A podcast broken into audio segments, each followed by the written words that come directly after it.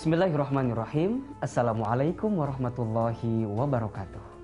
Alhamdulillah wassalatu wassalamu ala Rasulillah wa ala alihi wa wa mawalah. Sahabat RTV, kembali lagi di Hikmah Podcast bersama saya Hilman Fauzi. Hikmah Podcast adalah sebuah program bincang-bincang yang akan menambah keimanan kita dan menghadirkan inspirasi untuk kehidupan kita. Kali ini di Hikmah Podcast kita akan membahas tentang tolong menolong dalam Islam. Ayat yang tadi sama-sama kita dengarkan surat Al-Maidah ayat 2 memberikan keterangan kepada kita untuk senantiasa tolong menolong dalam kebaikan dan ketakwaan. Wa ta'awanu 'alal birri wat taqwa wa la ta'awanu 'alal itsmi wal udwan. Dan janganlah engkau tolong menolong dalam keburukan dan permusuhan. Sikap tolong menolong adalah sikap yang sangat disukai oleh Allah Subhanahu wa taala. Seorang hamba yang senantiasa menolong orang lain, menolong saudaranya, maka dia akan mendapatkan pertolongan dari Allah Subhanahu wa taala. Di hikmah podcast kali ini, saya akan kedatangan seorang tamu. Perempuan cantik yang insya Allah berhati mulia karena memilih untuk resign dari pekerjaannya dan menghabiskan waktu untuk mengurus ODGJ, orang dengan gangguan jiwa. Siapakah dia? Yuk kita simak videonya berikut ini.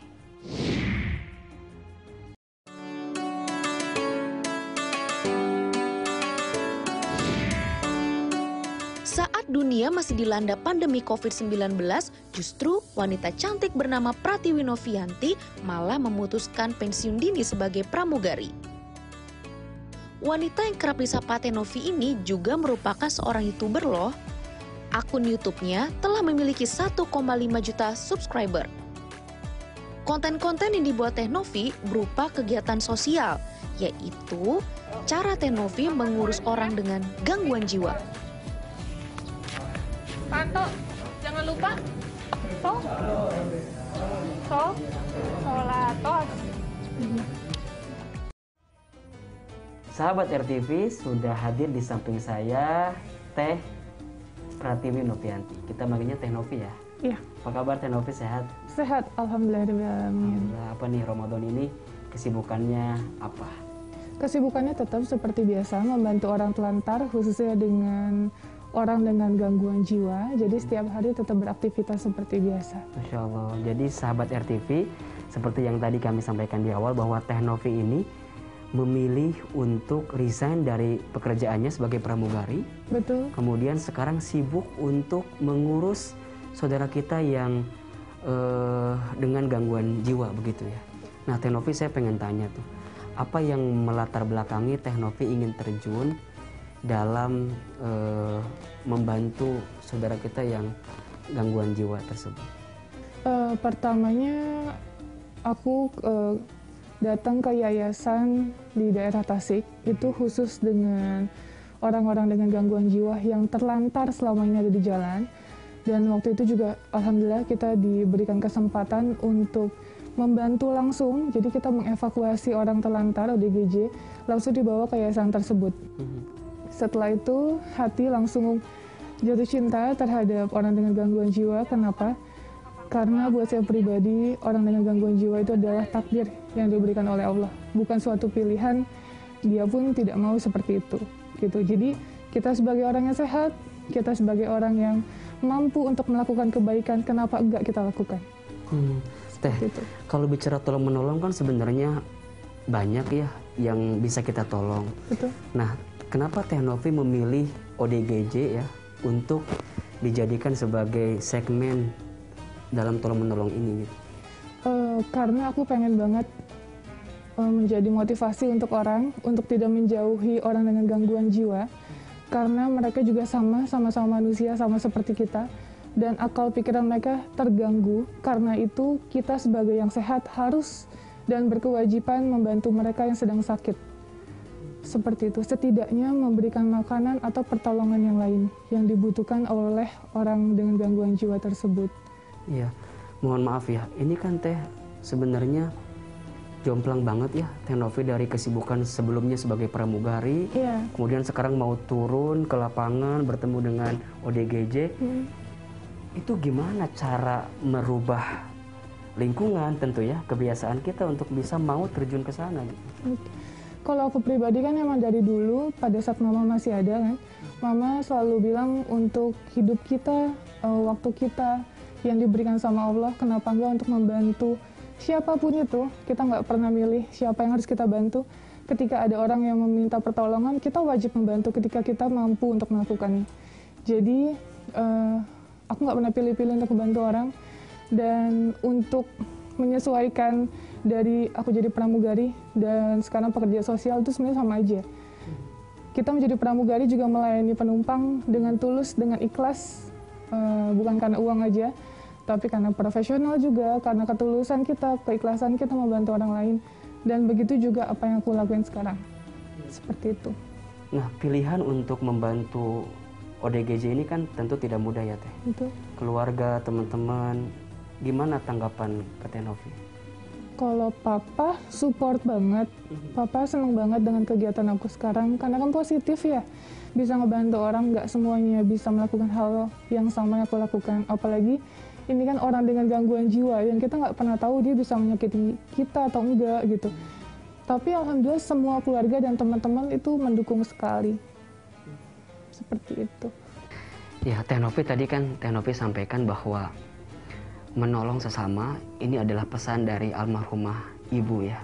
Betul. Bahwa ibu pernah menyampaikan selama kamu hidup, tolonglah siapa pun yang membutuhkan. Betul.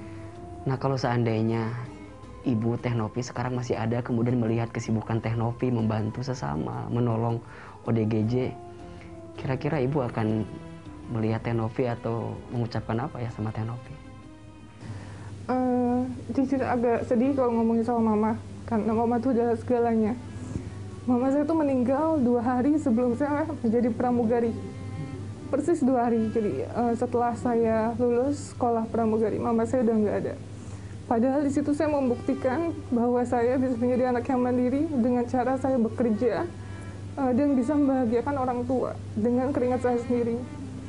Mungkin Allah berkehendak lain Allah bisa yang sama mama saya. Tetapi pesan mama saya yang saya nggak pernah lupa lakukan yang terbaik apa pun itu selama kamu mampu dan bisa untuk membantu sesama umat manusia siapa pun itu kita tidak melihat agamanya kita tidak melihat siap siapa dia terus atau dia kaya atau dia miskin ketika mereka membutuhkan bantuan kita lakukanlah yang terbaik semaksimal mungkin Nah, Teh Novi nih kalau boleh sedikit ya. Kalau Mama masih hidup nih, Teh Novi ingin menyampaikan apa ke Mama? mau ucapin kata maaf karena waktu eh, mama di ICU kan aku sempat di asrama Hmm, dua hari sebelumnya itu kita sempat ketemu di rumah sakit. Mama udah ngucapin kata maaf waktu itu. Tapi aku belum ngucapin kata maaf waktu itu karena aku mikir aku gak mau bikin suasana jadi sedih. Dan mama kan sakit kanker udah stadium 4 jadi waktu pada saat mau ngucapin maaf aku tidak mengucapkan kata maaf juga. Jadi sampai detik ini aku menyesal dan waktu aku sempat terakhir melihat mama mama udah keadaan ICU udah udah nggak sadar udah kritis. Jadi sampai detik ini nggak bisa bikin mama bangga. Belum ngucapin kata maaf. Ya selama ini mungkin aku pastilah sebagai anak ada salah gitu. Mungkin sering nyakitin perasaan mama atau apa itu aja. Karena mama adalah segalanya. Itu sih. Masya Allah, eh, sahabat RTV, percayalah bahwa setiap kebaikan yang kita lakukan, jika diniatkan dengan baik, itu pasti akan mendatangkan kebaikan. Saat kita menolong orang lain, berpikirlah bahwa di saat itu kita sedang bersyukur kepada Allah. Karena cara bersyukur terbaik adalah ketika kita menggunakan semua nikmat itu untuk segala sesuatu yang disukai oleh Allah. Salah satunya adalah dengan menolong orang lain. Dan Teh Novi sudah membuktikannya. Nanti kita ingin lebih dalam Teh Novi ya ngobrol terkait dengan ODGJ, apa hambatannya, seperti apa keadaannya. Tapi setelah ini, sahabat RTV jangan ke mana-mana, tetap di sini di Hikmah Podcast. Keburukan kita harus kita ingat, harus kita ingat kebaikan kita harus, harus kita, kita lupakan. lupakan. Masya Allah.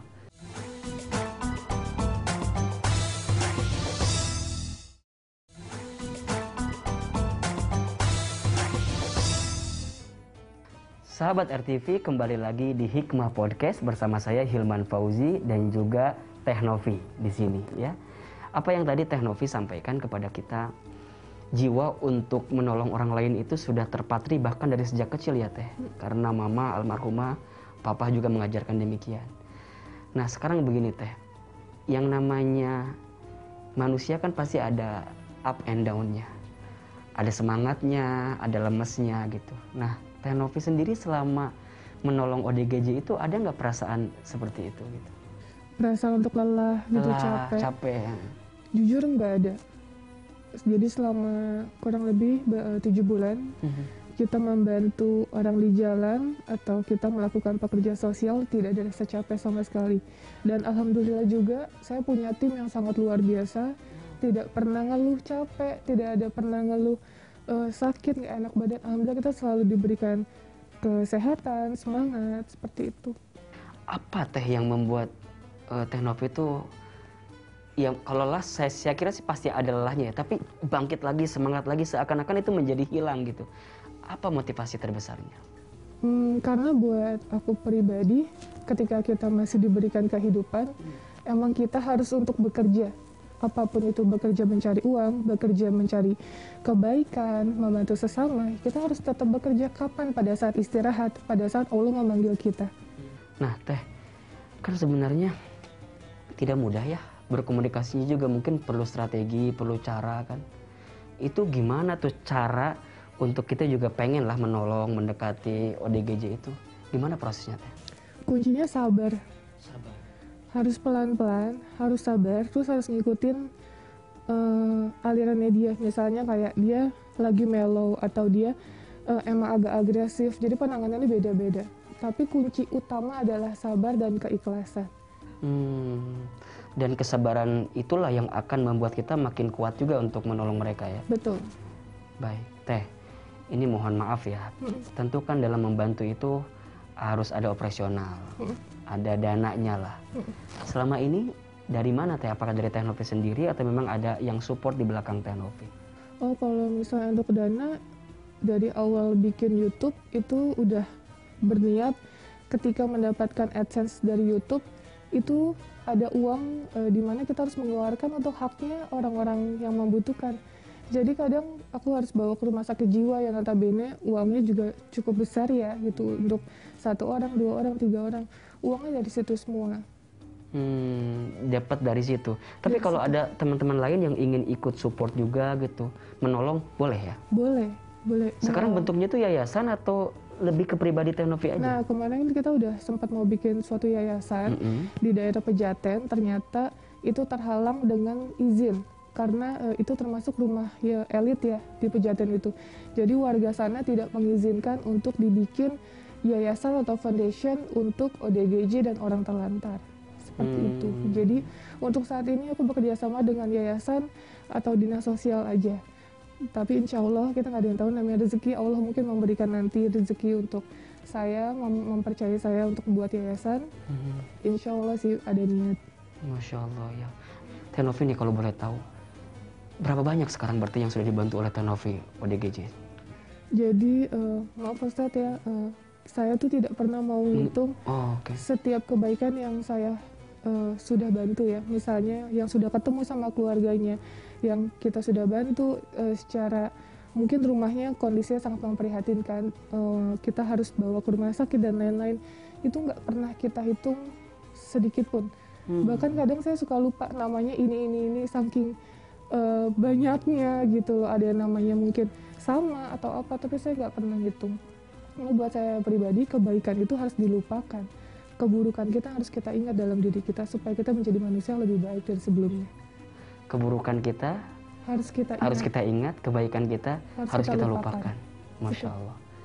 Ya, saya teringat dengan satu kalimat terima kasih. Ternyata terima kasih itu satu makna filosofi yang begitu dalam, Teh. Betul. Terima kasih. Seberapa banyak yang ingin kamu terima, tergantung seberapa banyak yang kamu kasih. Dan itulah yang menjadikan kita pribadi yang bisa meraih kebahagiaan. Berbagi itu membahagiakan. Ya enggak teh? Iya, Menolong orang lain itu membahagiakan. betul. Dan tidak akan pernah miskin seseorang yang hidupnya dihabiskan dengan sedekah, berbagi kebahagiaan kepada orang lain. Saya tanya ke Tenopi, Tenopi ngerasa kurang nggak selama ini berbagi kepada orang lain? Alhamdulillah enggak, Cukup ya? cukup. Hidup cukup, tenang, senang. Betul. Karena eh, kebahagiaan yang sesungguhnya ketika kita bisa bersyukur atas apa yang kita punya. Masya Allah. Jadi jadi bukan seberapa banyak yang kita dapatkan, tapi seberapa besar yang bisa kita berikan. Betul. Masya Allah. Sahabat RTV, tetap di sini, jangan ke mana-mana. Nanti kita akan lanjut kembali di Hikmah Podcast. Aku pribadi sih, aku nggak mencari penilaian manusia karena ketika saya berbuat A, B, C itu akan tetap salah ketika mereka tidak suka dengan kita. Tetapi saya mencari penilaian Allah aja.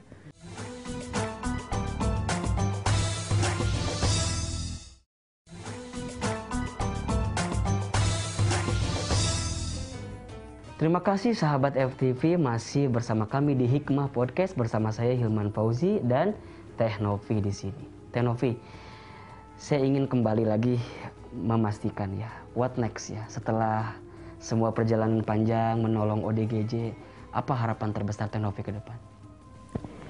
Harapan ke depan maunya punya yayasan pasti ya Pak Ustadz. Jadi insya Allah apabila Allah memberikan jalan, sekali lagi saya mau banget punya yayasan sendiri yang saya bisa menyayangi orang-orang terlantar, orang-orang dengan gangguan jiwa, lansia, bayi, maaf bayi yang terlantar itu kan banyak juga Pak Ustadz. Saya mau menyayangi mereka dengan tangan saya sendiri gitu. Jadi mungkin saya bisa lebih fokus dengan orang-orang yang saya bantu, saya urus sendiri gitu. Jadi kan untuk saat ini kan ada yang di yayasan, ada di dinas sosial itu banyak banget. Dan kadang kita bagi waktunya bingung nih, kadang ke yang ini dulu, ke yang ini dulu gitu. Jadi maunya insya Allah fokusnya mempunyai yayasan. Masya Allah. Teh, terakhir nih pertanyaan saya. Tentu yang memuji banyak. Tidak sedikit juga yang mencibir juga banyak. Mungkin ada yang bilang cari perhatian lah atau misalnya pansos lah untuk naikin apalah gitu. Ada nggak teh seperti itu? Ada, tapi kalau aku pribadi sih aku nggak mencari penilaian manusia karena ketika saya berbuat A, B, C itu akan tetap salah ketika mereka tidak suka dengan kita. Tetapi saya mencari penilaian Allah aja, gitu. Karena notabene saya hidup itu bukan untuk eh, manusia, tetapi eh, akhirnya kita hidup ini hanya untuk Allah. Masya Allah. Ini kata-katanya nih sahabat RTV semakin menguatkan dan meyakinkan kita bahwa tidak penting seberapa banyak orang menilai kita karena yang paling penting adalah penilaian Allah kepada kita. Gitu ya Teh ya. Masya Allah. Ini di segmen eh, sekarang ada pertanyaan yang masuk melalui sosial media kita di @langit eh, RTV ya. Baik, saya akan bacakan pertanyaannya. Yang pertama ada dari @apuanu. Assalamualaikum. Pertanyaan saya, apa hukum apabila kita menolong tetapi supaya mendapatkan balasan kebaikan dari Allah Subhanahu wa taala? Ya, kalau kita berharap balasan dari Allah memang itu seharusnya.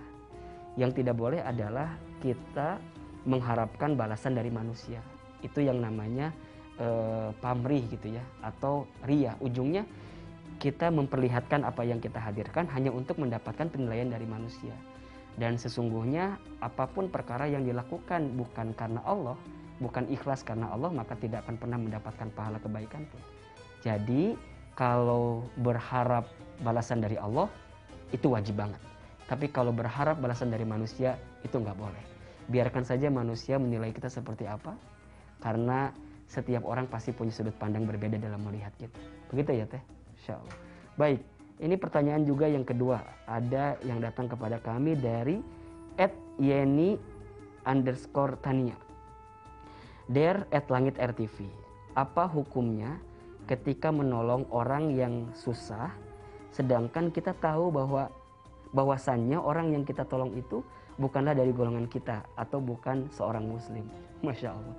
Jadi dalam tolong menolong itu tidak pandang bulu apa pun agamanya, apa pun rasnya, selama dia membutuhkan dan kemudian jika dia berbeda agama dengan kita, selama dia tidak menyakiti kita, tidak memusuhi kita dan tidak memerangi kita, maka kita wajib untuk menolongnya. Sahabat RTV, salah satu akhlak yang mulia adalah menghadirkan senyuman kebahagiaan di wajah orang lain. Jadi saat kehadiran kita memberikan kebahagiaan kepada orang lain, di situlah akhlak yang mulia. Makanya kata Nabi Shallallahu Alaihi Wasallam, khairun nas anfa'uhum linnas. Sebaik-baiknya manusia adalah dia yang paling banyak bermanfaat bagi orang lain. Sekarang pertanyaannya adalah manfaat apa sudah yang sudah bisa kita hadirkan selama kehidupan kita. Bersyukurlah kepada Allah dengan banyak memberi kasih, memberi cinta, memberi sayang kepada makhluknya. Barang siapa yang mencintai makhluknya, maka Allah Subhanahu wa taala akan mencintai dirinya. Tenovi terima kasih banyak Terima kasih banyak sudah menyempatkan hadir di Hikmah Podcast. Terima kasih Semoga banyak. yang tadi kita bicarakan menjadi hikmah pelajaran yang bisa menguatkan sahabat RTV semua yang hari ini boleh jadi sedang sahur nih Iya. di pagi hari ini ya. Baik, sahabat RTV yang dirahmati Allah, eh, jangan lupa